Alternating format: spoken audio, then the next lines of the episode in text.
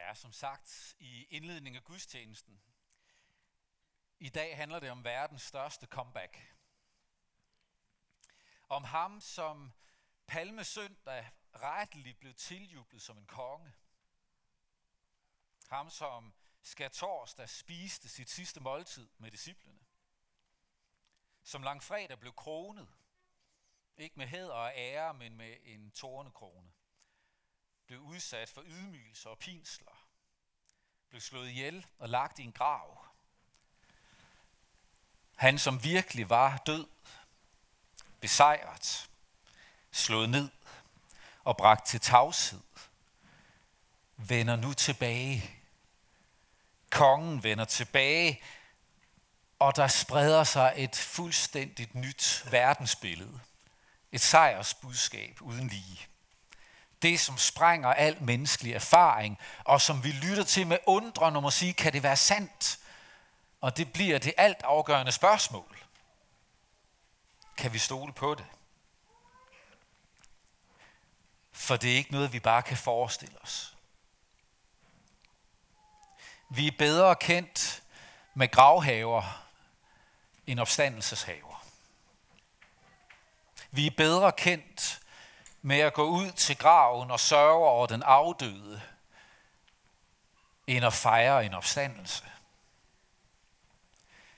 Men den morgen forvandlede han gravhaven til opstandelseshaven, og livet selv blev forvandlet. Det vi skal høre i dag, er hvordan det at indse dødens alvor kan forandre livet. Og endnu mere, hvordan Jesu opstandelse giver os et ny tilgang til livet. Det bliver en prædiken, hvor der er et bagkatalog, der ikke kun rummer Bibelen, men også Morten Albæk, Søren Kierkegaard og Nick og Jay. Så der er sådan lidt til enhver smag, håber jeg. Men vi starter med at gå med kvinderne ud til gravhaven. Vi læser fra Matteus evangeliet, kapitel 28, de første otte vers. Efter sabbaten, da det gryede af den første dag i ugen, kom Maria Magdalene og den anden Maria for at se til graven. Og se, der kom et kraftigt jordskælv, for Herrens engel steg ned fra himlen og trådte hen og væltede stenen fra og satte sig på den.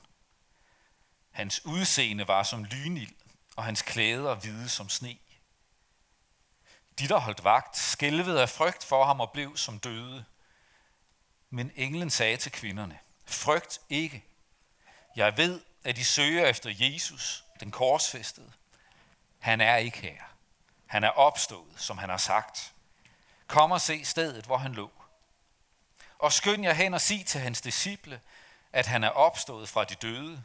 Og se, han går i forvejen for jer til Galilea. Der skal I se ham. Nu har jeg sagt jer det.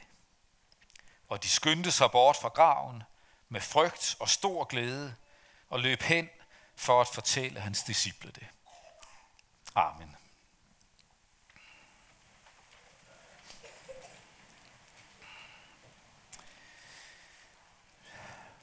Almægtige Gud, det er vores bøn, at du nu ved dit ord og ved din ånd må tale til os, som kender mere til gravhaver end opstandelseshaver så du ved vore grave må tale til os på en sådan måde, at du skaber tro og liv i os og giver os del i det nye liv, som kun er at finde hos dig.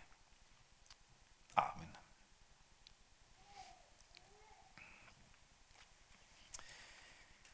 Vi er bedst kendt med gravhaverne, med graven, med sorgen og tabet. Søren Kierkegaard har i et af sine skrifter har han lavet tre taler ved, ved tænkte lejligheder. Hvor han forestiller sig, hvis han nu ved sådan en sådan lejlighed skulle holde en tale, hvad vil så være vigtigt at sige? Og en af de tænkte lejligheder er ved en grav. Hvor han besinder sig på, hvad er det, vi lærer der, når vi står ved en grav? Hvad er det, der går op for os der? Han vedgår, at det er et tungt pensum, vi skal lære ved en grav.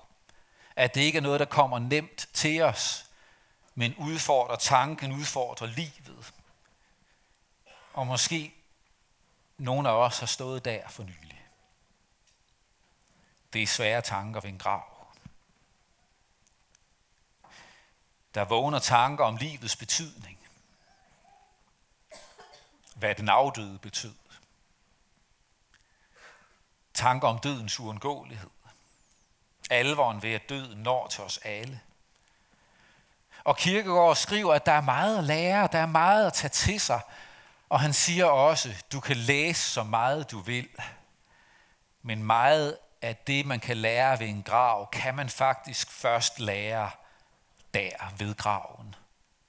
Og ved gentagende besøg ved en grav undervejs i livet, at det er noget, der følger med livets modenhed, at vi der indser, hvad der sker. Han siger nemlig, at det er en erfaring, man vinder over tid. Det er en indsigt, man får undervejs i livet. Og så skriver han, efter mange beskrivelser af, hvordan døden kan møde os, og hvad vi kan tænke der, så siger han, det kan godt være, at du, min kære læser, vil opfatte det anderledes. At du tænker anderledes. Og han fortsætter. Måske synes du, at tanken om døden kun er blevet endnu mere forfærdende, nemlig ved at høre Kirkegårds tanker om døden. Det kan der være noget om nogle gange jo. Måske synes du bare, at det er blevet endnu værre. Og at døden også har en mildere og venligere side. At døden også er den trætte arbejders længsel efter hvile. Den udmattede vandres hasten efter afslutningen. Den bekymredes fortrøstning til dødens smertestillende søvn. Den misforståedes vemodige trang til at slumre i fred. Dette, tænker du, er også en skøn og berettiget forklaring på dødens virkelighed. Unægteligt. Men dette læres ikke udenad. Det læres ikke ved at læse om det. Denne viden erhverves langsomt og er først rigtig erhvervet af den, som arbejdede sig træt i gode gerninger, vandrede sig til udmattelse på den rette vej, bar bekymringen for en retfærdig sag, eller blev misforstået i en edel stræben. Først sådan er erkendelsen vel erhvervet og kan tales om på berettiget vis. Der er tanker om døden, som, som vi ikke kan læse os til, filosofere os til, men som vågner der ved graven over tid. Det er en vigtig indsigt. Og Kirkegaard siger, at det vigtigste, du kan indse, vigtigere end tankerne om den afdøde, og tankerne om, hvad det nu betød, så siger han, at den vigtigste erkendelse ved graven, er, at det går op for os, at døden også er min virkelighed. At det ikke bare er en filosofisk tanke, men at jeg en dag skal dø. At jeg lever i dødens verden. Den erkendelse kan forandre hele livet. Han skriver, det er som et ung menneske, der en nat, en nytårsnat, har en drøm om, at han er blevet en olling, og at han har forspildt sit liv. Og han vågner fra det mareridt, den unge mand, siger han. Ikke bare til et nyt år, men til et nyt liv. Fordi det gik op for ham, hvor vigtigt det er at leve livet, netop fordi døden findes. Så må jeg sørge for at leve livet her, mens jeg har det. Sådan kan alvoren og meningsfuldheden gribe os midt i sorgen, midt i det svære, så er det livets betydning går op for os. Og det er der Morten Albæk, som nogle af jer måske har læst af, han dukker op, da han skrev sin bog, Et liv, en tid, et menneske, for nogle år siden. Der fortæller han i indledningen til bogen, at den bog faktisk fik sit startskud, fik sin begyndelse, da han stod ved sin fars begravelse der gik livets meningsfuldhed op for ham. Der ved en grav. Oplevelsen af min fars død og begravelse har jeg haft med mig lige siden.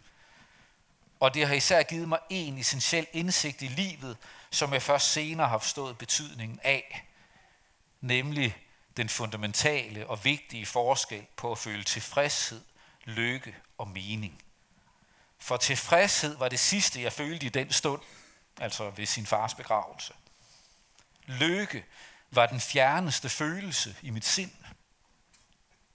Men der midt i sorgen, afsavnet og gråden, rullede en følelse af meningsfuldhed gennem min krop og bevidsthed. En følelse af taknemmelighed. Endda en følelse af dyb livslyst og livsglæde. Det er det mærkværdige, der sker ved en grav. At livets fylde bliver vigtig. At livets fylde går op for os selv, om det er så mættet af sorg og ulykke og utilfredshed, det man ikke synes er rart, at så er der alligevel en spire i det, som kan vågne. Og det er der, vi starter påskedag. Med den her menneskelige erfaring af døden og dødens virkelighed. Med kvinderne, der går ud i gravhaven uden anden forventning end at skulle stå i ulykken. Stå der i sorgen, i længslen, i følelsen af uretfærdighed og urimelighed, og for deres vedkommende meningsløshed. Der, dør, der kom ingen bølge af meningsfuldhed ved Jesu grav, for alt var meningsløst. Livet selv var taget fra den i ham. Men der i gravhaven står vi sammen med dem og mærker livets alvor på grund af dødens alvor. Indser, at døden, som kirkegård formulerer det, på en gang er sikker, nemlig at den kommer. Og den er usikker, for vi ved ikke, hvornår og hvordan. Og i det spændingsfelt mellem dødens vidshed og uvidshed, der er det, at livet bliver så vigtigt. Dødens alvor siger, han har en, en tilbagevirkende kraft på livet. Et fantastisk udtryk. At når jeg indser min dødelighed, så får det en tilbagevirkende kraft på den måde, jeg lever på. For så er det jo nu, jeg må leve. Så må jeg lade livet være den gave, det er at pakke den ud og dele den med mennesker omkring mig. Dødens alvor har en tilbagevirkende kraft, for jeg indser, at der er en udløbsdato for mit virke i det her liv. Og så langt kan vi nå med filosofer og tænkere og refleksioner stående ved en grav. Og hvis det var det hele, så skulle vi bare holde foredragsaftener i den kultursal. Men vi er gået i kirke søndag morgen, påskemorgen, fordi der er mere. Fordi der er andet og mere end at indse dødens alvor og dødens virkelighed. Der er mere at sige. For derude ved graven rev Gud dødens magt ud af djævelens hænder og sagde, du skal ikke længere kunne kvæle mennesker med din død. Du skal ikke længere kunne ødelægge livet, for mit liv er stærkere. Kvindernes følelser fylder utrolig lidt i beretningen. Matthæus er ikke ude i at filosofere over, hvordan døden føles og opleves eller hvordan det føles at stå ved en grav. Det lader han filosoferne om. Det han vil fortælle, det er, at der den morgen skete det ubegribelige, at en engel steg ned og rullede stenen fra graven, og Kristus opstod fra de døde som dødens overmand og sejrherre. Og kvinderne blev mødt med et frygt ikke. Frygt ikke for englens overvældende udseende. Frygt ikke for, at Jesu liv var forgæves og spildt og meningsløst og alting ødelagt. Frygt ikke over den virkelighed, at du selv er et dødeligt menneske, for her er han, som er stærkere end døden. Han er opstået, som han har sagt. Han baner vej til livet, også for jer der bryder evangeliet igennem. Så kvinderne, der gik med tunge skridt ind i gravhaven, de løb ud af opstandelseshaven for at finde disciplene. Og sige, nu skal I høre. Han er opstået.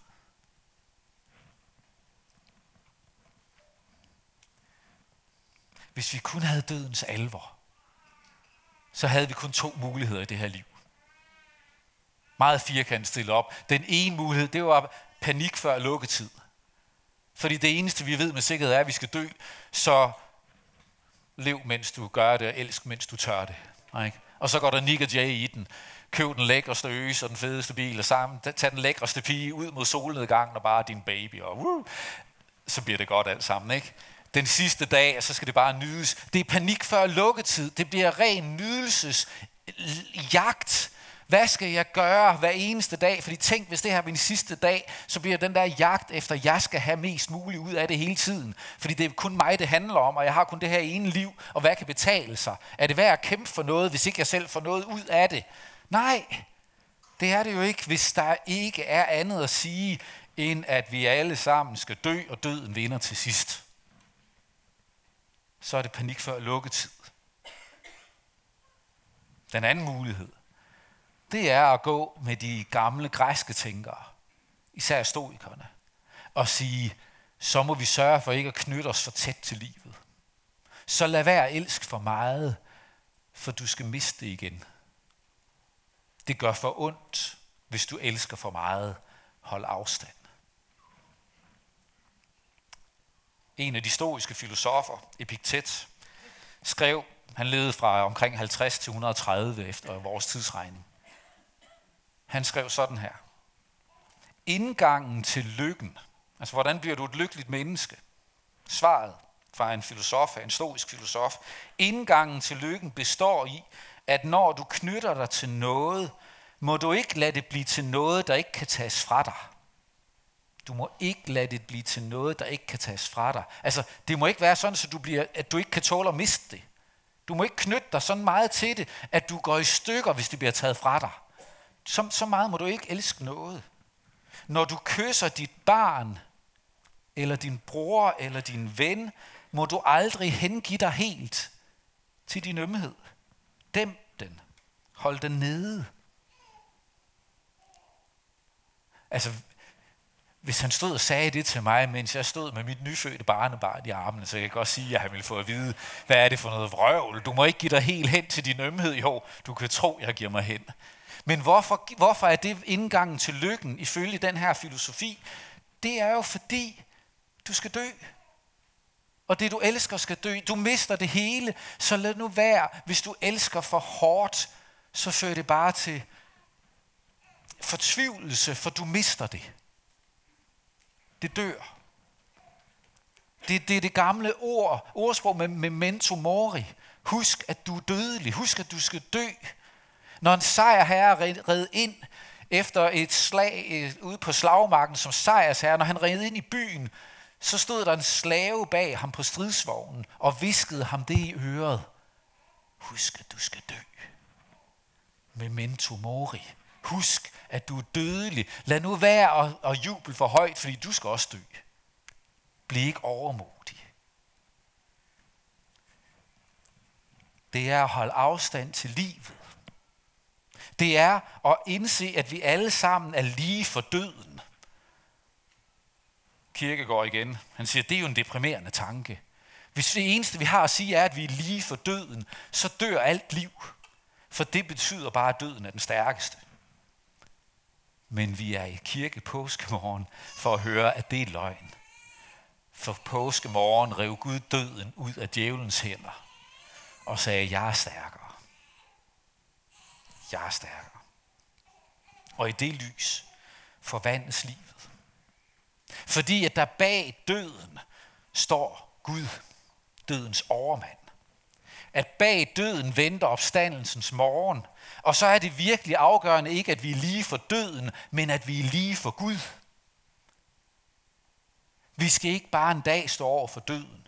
Vi skal stå over for livets herre, vores skaber og mester det kalder på et liv med tilbagevirkende kraft. Hvis det er sandt, så må jeg leve mit liv i det lys. Så bliver der alvoren, sagde Kirkegaard. Det at leve hver dag, som var det den sidste, og til lige altid den første. Det kan godt være, at i dag er vigtigt, for en dag skal vi dø, men endnu vigtigere er i dag, fordi det her er den første dag i resten af min evighed – som Kristus har vundet til mig, og i troen på ham har jeg del i det evige liv med ham. så bliver den her dag helt anderledes. Så er det ikke panik før lukketid. Hvad skal jeg nå, inden det er slut? Nej, hvad er så værd? Hvad er vigtigt at sætte i gang med den her evighed foran mig under hans nåde og kærlighed og tilgivelse? Den første af mine dage er nu. Det er et nyt liv. Så er det, vi planter træer, vi ikke selv skal høste frugterne af. For det er det værd. Så er det det værd at kæmpe for ret og godhed og sandhed. For der er en evig perspektiv i Guds rige. Så skal vi have en sat bag os, som ikke visker memento mori, men visker memento vivere. Husk, at du skal leve. Husk at leve. Husk at leve i den levende Guds favn. Husk, at det sidste, der er at sige om dig, ikke er, at du dør, men at du skal opstå med ham, og at du må have del i livet med ham. Så er det, vi må sige som med Paulus. Fordi hvis nu Jesus bare døde, hvis, hvis budskabet om Jesus sluttede med, at han døde, så er det et fantastisk menneske, der døde på uværdig vis. Og så, så kunne det være klogt og sundt og godt af dig og mig, at vi læser om ham, at vi lytter til hans lære og besinder os på det, for han gjorde virkelig indtryk på mennesker. Det må du gerne gøre, hvis du har lyst. Men du kan også vælge at læse nogle andre. Du kunne læse Epiktet, eller du kunne læse nogle andre filosofer og tænkere. Du kunne fordybe dig i kirkegård. Han er meget sværere at forstå, end Jesus er. Altså, så, så kan du fordybe dig i, hvem du vil, fordi det er sådan på samme skala, hvis Jesus altså bare døde. Men hvis Jesus opstod, så er der ikke et menneske på den her klode og i den her verdens historie, som er vigtigere at lære at kende end ham. Så er hvert et ord, han har sagt, af afgørende vigtighed for os at høre og lytte og lære til, for så er han den eneste, der har besejret døden og som giver os del i livets sejr. Kun gennem ham og troen på ham har vi del i den sejr. Så er, der, så er han den vigtigste, vi kan beskæftige os med. Og så er det, vi må sige, som Paulus skriver det i brevet til Galaterne. Jeg lever ikke mere selv, men Kristus lever i mig. Og mit liv her på jorden lever jeg i troen på Guds søn, der elskede mig og gav sig selv hen for mig. Det er evangeliet med tilbagevirkende kraft. At der er et liv at leve sammen med ham, som elskede så højt.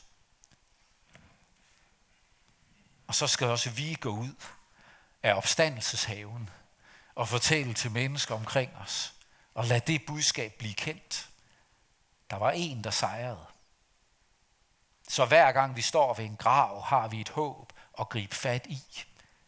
Vi har en overmand, en dødens overmand at vende os til og sige, Jesus, dig klynger jeg mig til.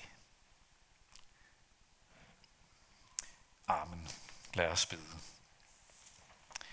Lov og tak og evig ære være dig, hvor Gud, Far, Søn og Helligånd.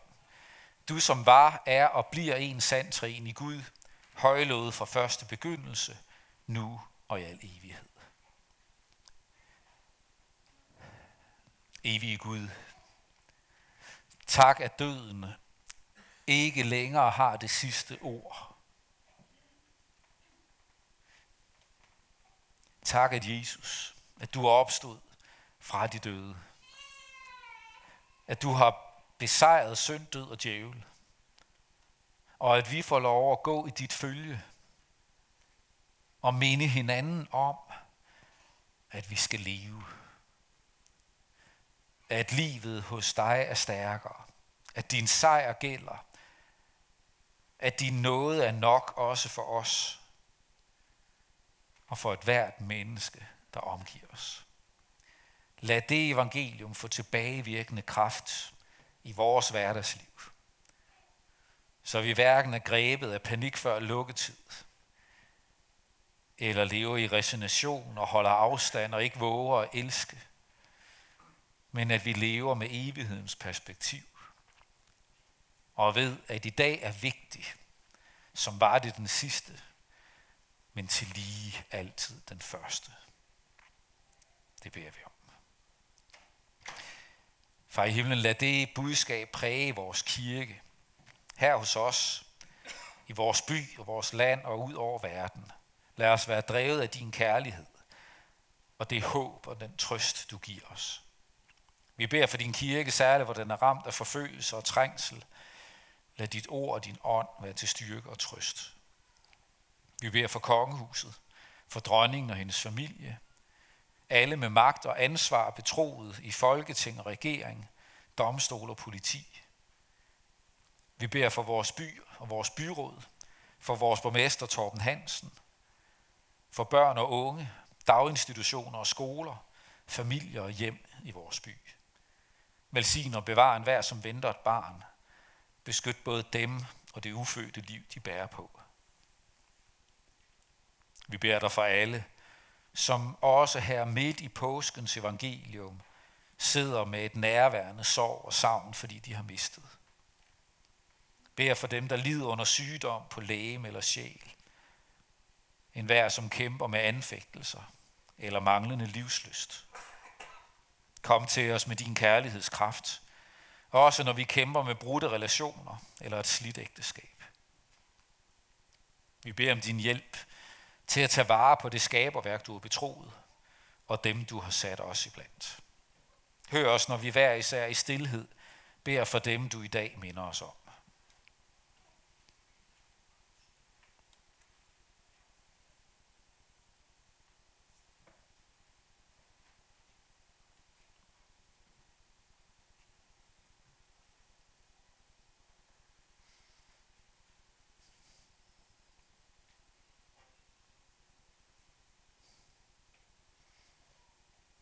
Ja, hellige Gud, tak, at vi må lægge dem i dine stærke hænder.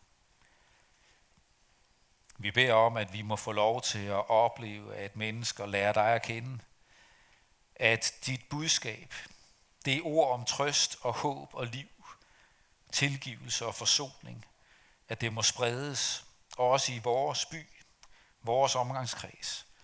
At vi må få lov at give evangeliet og troen videre og glæde os sammen med dig over en vær, som kommer til tro. Bevar os hos dig. Lad os samle i dit rige den dag, du nyskaber himmel og jord. Indtil der beder vi dig. Led mig frelser ved din nåde, også når jeg selv vil råde og vil gå min egen vej. Sæt mig, hvor jeg bedst kan gavne, men lad mig aldrig savne vidshed, at jeg tjener dig. Amen.